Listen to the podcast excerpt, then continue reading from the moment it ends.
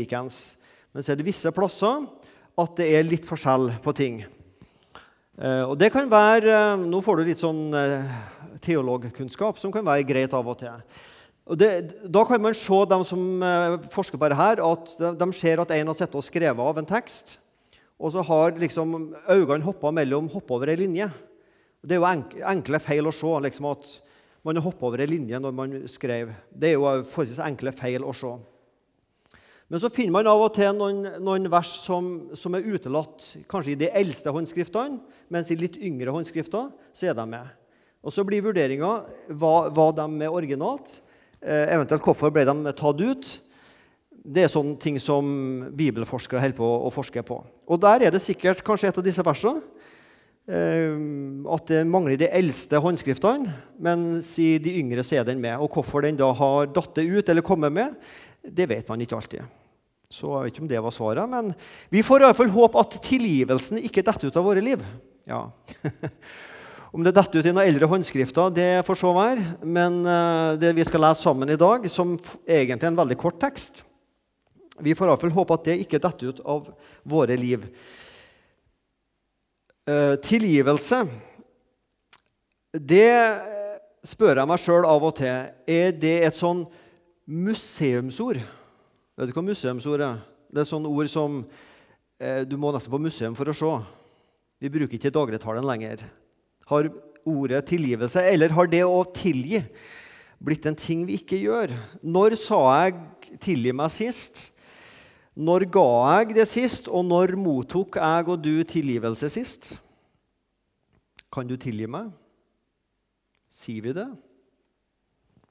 Jeg mente ikke det jeg sa, jeg mente ikke det jeg gjorde. Kan du glemme det? Dette berører jo gjerne forhold eh, altså foreldre-barn, det berører ektepar, det berører familie og slekt, arbeidsforhold, venner. Så lenge vi er sammen med mennesker, så kan vi aldri unngå i lengden å såre hverandre.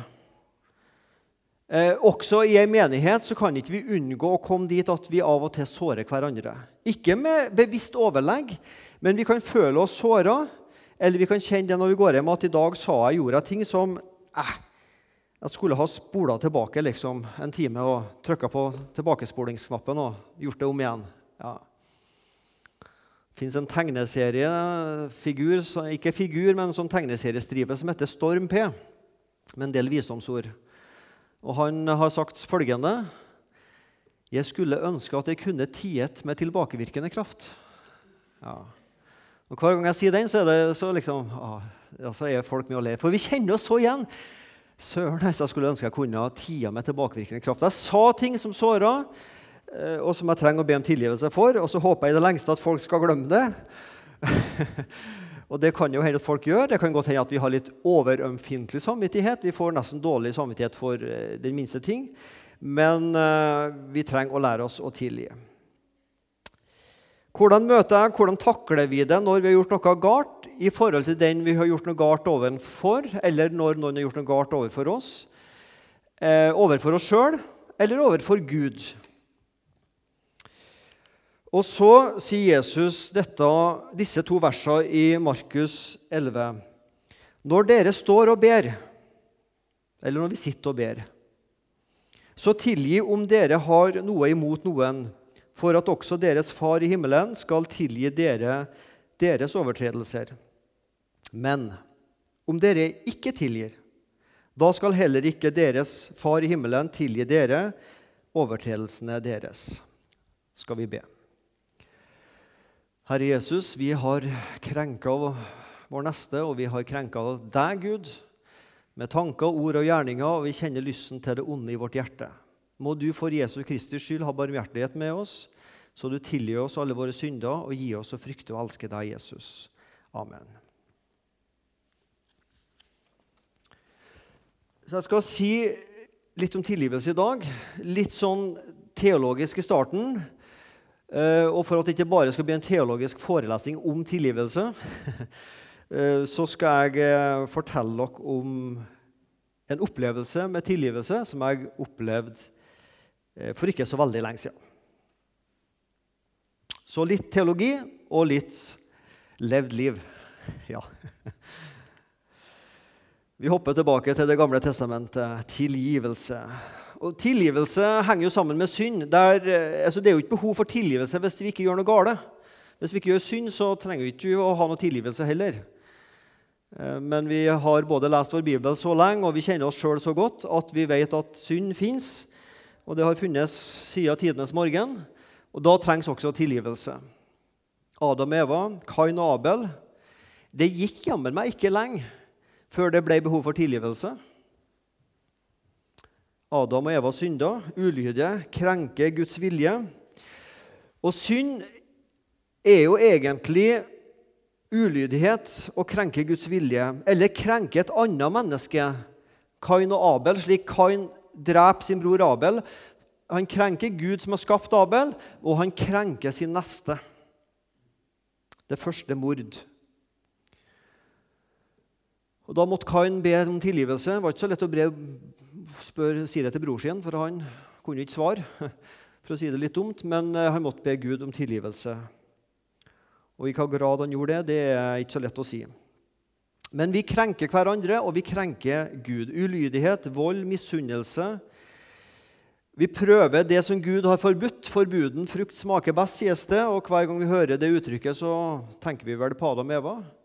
Det som er forbudt, det det er jo det som frister. Det var jo to-tre i hagen de ikke skulle røre, og de ble så opptatt av det. De hadde jo hele hagen de kunne spise av. Hvorfor skulle de akkurat borti det treet der, da? Jo, sånn tenker mange om kristendommen. Liksom, er så opptatt av alt vi ikke har lov til. Ja, men Se alle velsignelsene Gud har gitt oss, da, som vi kan få leve i. Og så blir man så opptatt av liksom, det har Gud sagt vi ikke skal. Adam Eva ulydig, Kain Abel drap. De første menneskene senere eh, går ikke lang tid. Babels tårn, jag, ekte stolthet og ære og makt, et stort navn. Og man krenker Gud og sin neste. Behov for tilgivelse. Og så er det jo sånn at Hvis jeg har gjort gale mot kona mi, så er det min plikt å gå til kona og be om tilgivelse og ordne opp. Det er jo ikke hennes plikt å ordne opp hvis jeg har gjort noe galt. Det kan hende at av og til sånn det blir, at hun minner meg på det etter hvert. Men eh, i utgangspunktet er jo den som gjør noe galt, som står i et skyldforhold til den man har gjort noe galt imot. Og Når du jeg som menneske og Adam og Eva og hvem det nå er, har gjort noe galt mot Gud, så er det jo mennesket som har plikt til å ordne opp overfor Gud. Det er jo ikke Guds plikt å ordne opp. Og så er menneskets problem at vi ikke vet hvordan vi skal ordne det. Vi prøver gjerne med gode gjerninger og, og godt forsett og hva det nå er for noe. Eh, og så prøver vi, og så har vi noen tanker om det. Og så er ikke alltid vi har evnen eller vi har viljen til å gjøre det heller. Og det skjønte jo Gud fort. Det visste han jo egentlig med en gang, at mennesket verken har kreativ tanke til å tenke ut hvordan man skal gjøre det, eller lyst eller evnen til å ordne opp og be om tilgivelse. Så Gud ordner det sjøl. Og Gud ordner det i Gammeltestamentet med det vi kaller offerordninga. De kan du lese om i tredje Mosebok og egentlig mesteparten av Gammeltestamentet. Forskjellige offerordninger. I, I kort tekst så går det ut på at Gud har ordna det sånn at når det blir ofra et levende liv og blodet av det levende livet kommer på alteret, så har det makt i seg til å sone for synd. Ett liv blir gitt i stedet for et annet. Det er offerordninga. Sonoffertanken. Et dyr soner synda for det mennesket har gjort. Det er sonoffertanken, offerordninga.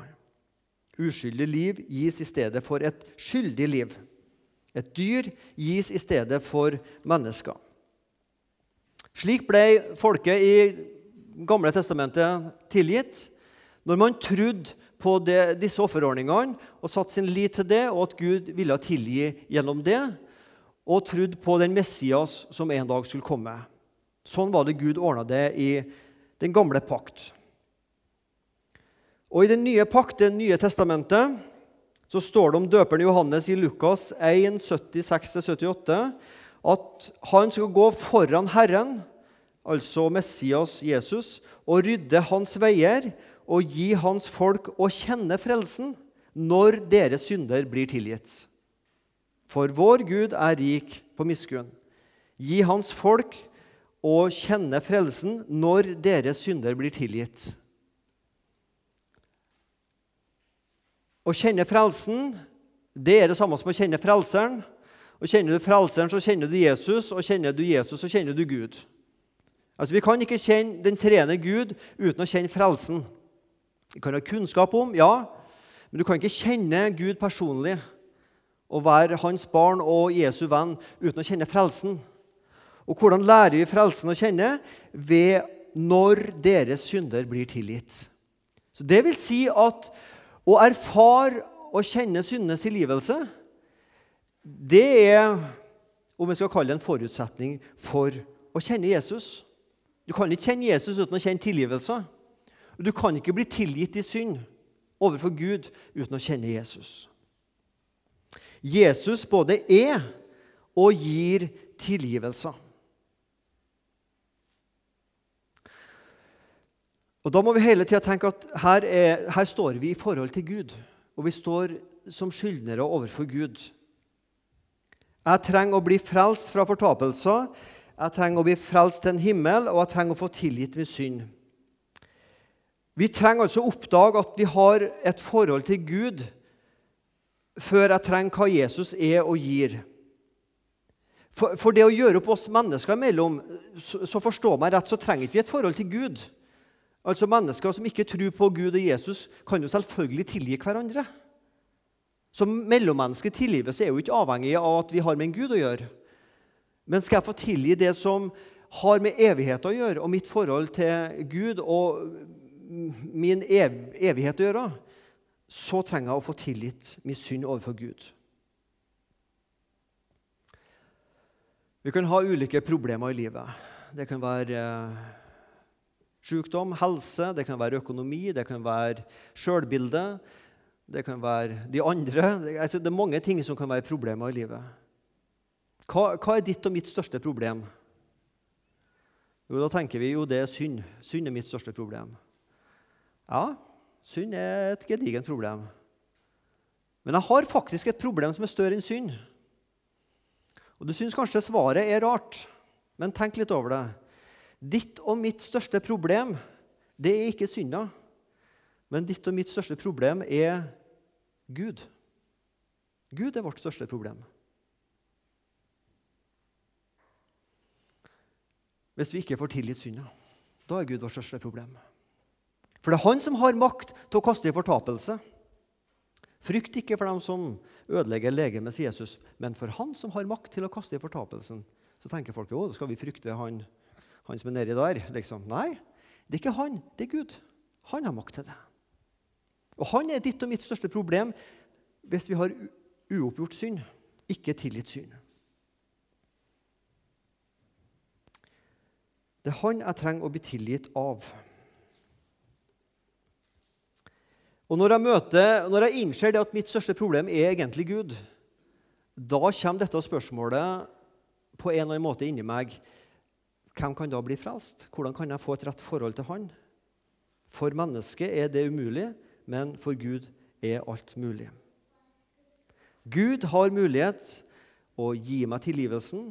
Han er tilgivelsen, og han har den. Det er han som disponerer den. Og han vil veldig gjerne gi meg og deg tilgivelse. Sier, eh, er, av, og til, av og til vi sier om folk at de er rause og de er gavmilde. og sånn, og Enkelte av oss er ikke fullt så gavmilde og litt mer gjerrige av oss. Gud er aldri gjerrig. Han sitter ikke og vurderer. OK, ja, jeg ga en gang, jeg ga to ganger, jeg ga sju ganger. Jeg ga til og med 70 ganger sju ganger, som er 490 ganger. Ja, nå får det være nok. Du får komme til Jesus når gale det gikk det er nåde. Du får komme for tusende gang. Det er nåde over nåde. Nåde over nåde. Nåde som følger på nåde. Som en bølge følger på en ny bølge når du går på Bore eller Orestranda eller der du går og ser bølger. Slik er det med nåden. Hvis det kommer en nådebølge, og så legger den seg, men så kommer det en ny igjen. Hele tida. Som en bølge følger på bølge. Slik følger nåde på nåde. Du får komme når gale det gikk, du får komme for tusende gang. Ikke bare 7 ganger 70, 490 gang, men for tusende gang og for 1001 gang og videre. Ja. Der er Gud raus og gavmild, ikke gjerrig. Han vil gjerne tilgi. Og vi ser tilgivelsen, Guds sinnelag, ser vi jo hos Jesus Kristus.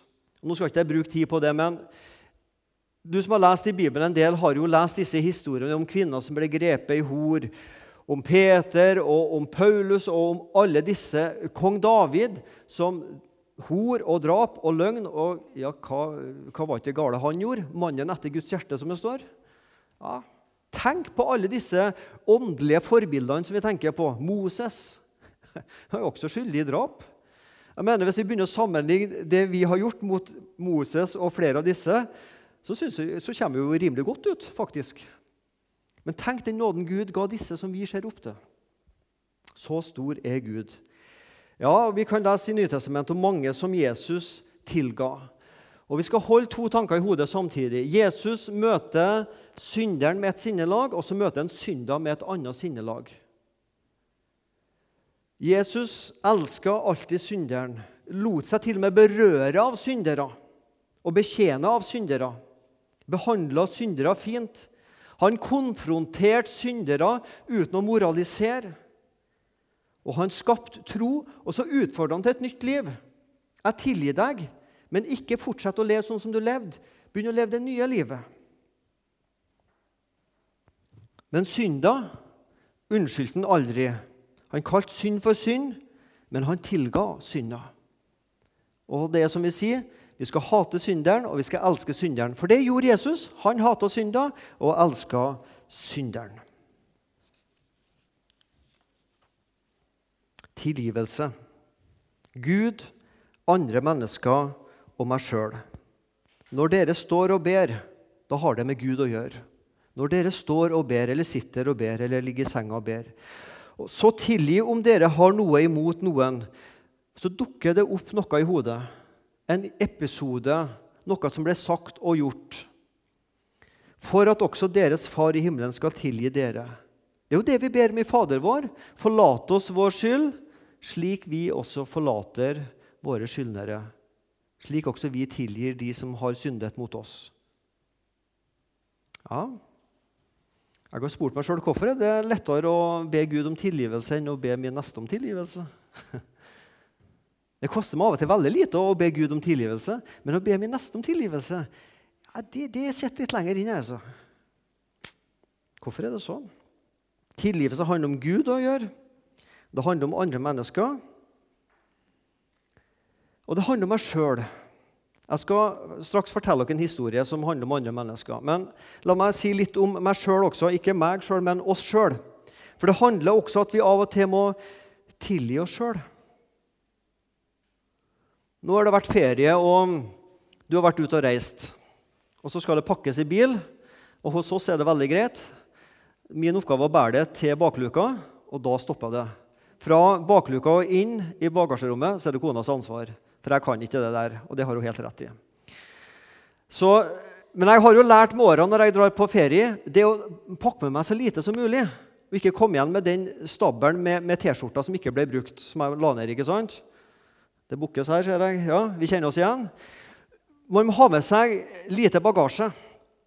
Av og til så drar vi med oss veldig unødvendig bagasje på ferie, som kommer tilbake like ubrukt som når vi starta ferien. Og Sånn er det for å bruke det bildet, sånn er det også livet. Vi drasser av og til på mye unødvendig bagasje som vi burde ha lagt fra oss for lenge siden. Som bare er tungt å bære med seg. Og jeg tror Den vanligste unødvendige bagasjen vi drar med oss i livet, det er den setningen her Hadde jeg bare ikke. Hadde jeg bare ikke gjort det i ungdommen, hadde ikke jeg bare sagt det til den, så skulle jeg vært mye mer frimodig som kristen. Så hadde kristenlivet vært bedre. Fordi vi klarer ikke å tilgi oss sjøl. Hadde jeg bare ikke. Gud har tilgitt det. Vi har bedt Gud 17 ganger om tilgivelse for den synda. Hver kveld i tre uker så ba vi Gud om tilgivelse for den synda. Til slutt så trodde vi på det vi ba om. Men så har vi aldri klart å tilgi oss sjøl. Hadde jeg bare ikke. Det trenger vi å legge fra oss. Og så er det noen av jeg skal ikke si oss, men noen av hvert fall oss som er her, sikkert sliter med det vi kaller overømfintlig samvittighet. Du får liksom dårlig samvittighet for den minste tingen. Det var som En av ungene mine sa her for en del år siden at jeg hadde smakt på sånn eh, energidrink. Ikke drink, da, men energidrikk som du får kjøpt i butikken. Ikke alkohol i det. Men det var som ungen sa, jeg hadde dårlig samvittighet etterpå jeg hadde smakt eh, energidrikken. for jeg trodde nesten man hadde drukket alkohol. vet du. Så jeg måtte si til barnet det er ikke synd å drikke energidrikk. og Så hadde vi en samtale også om dem som har med alkohol å gjøre. men ikke sant? Man kan ha en litt sånn overømfintlig samvittighet. Du får vondt, dårlig samvittighet for alt. Den minste tingen altså. Sånn må vi være rause med oss sjøl også, og tilgi oss sjøl. Tilgivelse overfor Gud, andre mennesker og tilgi deg sjøl, sånn at du ikke drar med på unødvendig bagasje gjennom livet som hemmer din tjeneste som kristen. Fordi du diskvalifiserer deg sjøl for å, å, gjøre noe i Guds rike. For du tenker 'jeg er ikke god nok'. Jeg som gjorde sånn, jeg som sa sånn. Ja. Jeg tror ikke jeg treffer alle, det jeg sa nå, men jeg tror det treffer noen av oss. For når vi får tilgivelse av Gud, får tilgivelse av andre og gir tilgivelse til andre og gir tilgivelse til oss sjøl Det er ikke så lett å få tilgivelse av seg sjøl, men du, liksom, du tilgir deg sjøl. Da blir vi fri. Tilgivelse fører alltid til frihet. Da setter vi oss sjøl i frihet, og vi blir satt i frihet av Gud. Tilgivelse overfor andre mennesker. Når dere står og ber, tilgi om dere har noe imot noen. Men om dere ikke tilgir, da skal heller ikke deres far i himmelen tilgi dere. Har du, har du prøvd å, å, leve en stund med uoppgjort synd som kristen? Du vet det var noe som var gale, som jeg må be Gud om tilgivelse for, og kanskje andre mennesker. Men jeg vil ikke. Jeg vil ikke innrømme det. Og så kommer bønnestunda på kvelden kanskje, eller når du har en bønnestund, og så skal du be til Gud. Men du må jo liksom ikke komme inn på den tingen der da, når du ber. Ja, jeg har opplevd det noen ganger. Å be med uoppgjort synd, som du vet du skal ha gjort opp, det er som å kjøre bil med håndbrekket på. Ja, Det går varmt til slutt. Det går gale. Det er et eller annet i livet som er et håndbrekk som holder igjen må få ned håndbrekket, må få gjort opp, må få be om tilgivelse. Det ringte en telefon til kona meg en dag for noen måneder siden. Eh, kan vi kom, få komme på besøk til dere? sa dama i andre enden. Vi må snakke med dere. Og vi visste nok hva de ville snakke om, så vi sa ja, kom. Så dette ekteparet de, eh, satte seg i bilen fra eh, der de bor i Rogaland, og kjører hjem til oss i Egersund. Så ble det en litt spesiell kveld. En veldig spesiell kveld. Og dama sa at eh, det starta med at jeg leste ei bok, sa hun. Det starta en prosess i meg var en bok av Asbjørn Aavik. Hva den heter, det, det husker ikke jeg. Men uh, hun sa at den starta en prosess i meg. Det var som Plutselig så falt det skjell fra øynene mine, sa hun.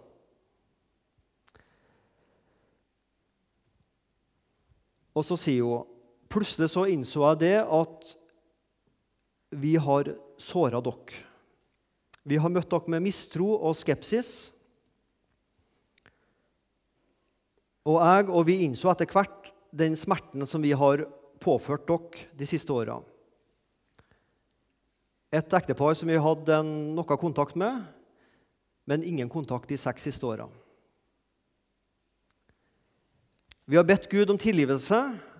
Kan dere nå tilgi oss? Så ble det en veldig flott kveld. Hun opplevde at som kristen så var det veldig vanskelig å be og fortsette ikke bekjenne seg som kristen, men fortsatt leve som en fri kristen med ting som var uoppgjort og ikke snakka om. Og I denne situasjonen her så var det dem som hadde gjort noe overfor eh, kona og meg. Eh, en annen gang kan det være motsatt. bare for å få sagt det en gang, så Jeg sier ikke dette for å sette noen anonyme misjonsvenner i et dårlig lys. og kona og meg sjøl i et feilfritt, skinnende helgenlys. For, for, det kan være motsatt en annen gang. Men sånn var det gangen her. Og som hun sa, at jeg har bedt Gud om tilgivelse, og jeg tror jeg har fått det, men jeg og vi trenger at også dere tilgir oss for det som har skjedd de siste åra. Og det ble en kveld med tilgivelsen og tilgivelsens frigjørende kraft. Dette var mennesker vi av og til møtte. Og de gangene vi møtte dem, så var det ikke lett å verken for oss å se på dem og for dem å se på oss. Så det ble ikke så veldig mye øyekontakt og ikke så mye snakka. Og de få gangene det ble snakka, så var det litt sånn eh, vær og vind, som vi bruker å si. Men etter denne kvelden så er det en helt annen måte å møte disse menneskene på. Fordi vi fikk gjort opp. Ehm, det ble tilgivelse, det ble bønn. Eh, og når vi nå møtes, så er det smil, og det er klapp på skuldra, og det er klemming, og det er, det er på en helt annen måte å møtes. Fordi at det ble tilgivelse. Hun og mannen hadde opplevd rett og slett å ha et kristenliv og kjøre kristenlivet med håndbrekket på altså, i flere år. Og det, det, går ikke bra til slutt. Du får ikke fart på bilen, eh, og det kan brenne seg fast i, i bilen og i kristenlivet, for å bruke det bildet. Så når eh, de var gått og satte seg i bilen og kjørte hjem til der de bor, så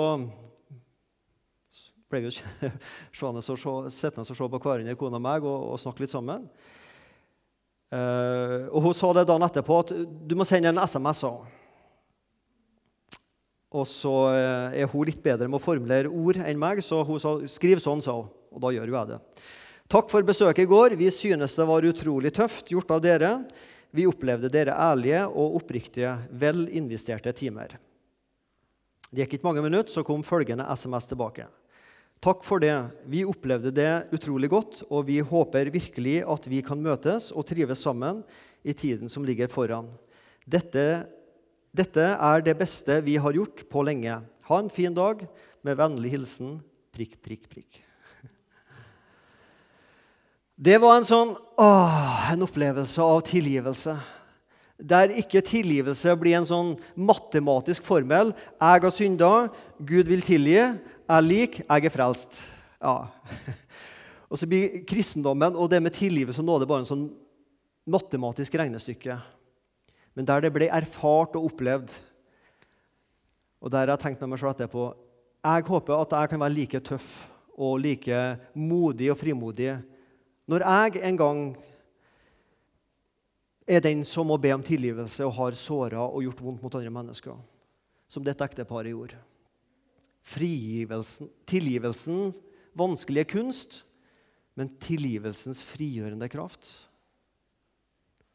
Midt i ekteskap overfor barn og foreldre, i familier og i slekter, også i en menighet som Misjonssalen, så er det gnisninger og så er det ting som blir sagt og gjort. Og så vet vi hva ordtaket sier. Den, som, den, er størst, den som ber om tilgivelse. Jeg trenger å lære det, og sikkert flere med meg. For det var en som har ordna med alt som trengs for å be om tilgivelse. Også på det mellommenneskelige plan, gått som et forbilde der, Jesus. Ordna opp. Og ikke minst så har vi som kristne vi vet vi er tilgitt for tid og evighet. Fortida mi er gjort opp. Jeg har et liv nå med mål og mening, og jeg har ei framtid i himmelen fordi jeg er tilgitt. Kjære Jesus, takk for tilgivelsens frigjørende kraft. Herre, må du pirke borti min samvittighet, sånn at den dagen kommer, og den er sikkert oftere enn jeg tror, at eh, jeg lever mitt kristenliv med håndbrekket på. Så må du pirke borti samvittigheten, sånn at jeg får gjort opp slik at det går seg varmt, og ting brenner seg, og det ødelegges ting i mitt liv, Jesus. Hjelp oss å være kristne som er rause med tilgivelser og er gode mot hverandre fordi vi har møtt din godhet, Jesus. Amen.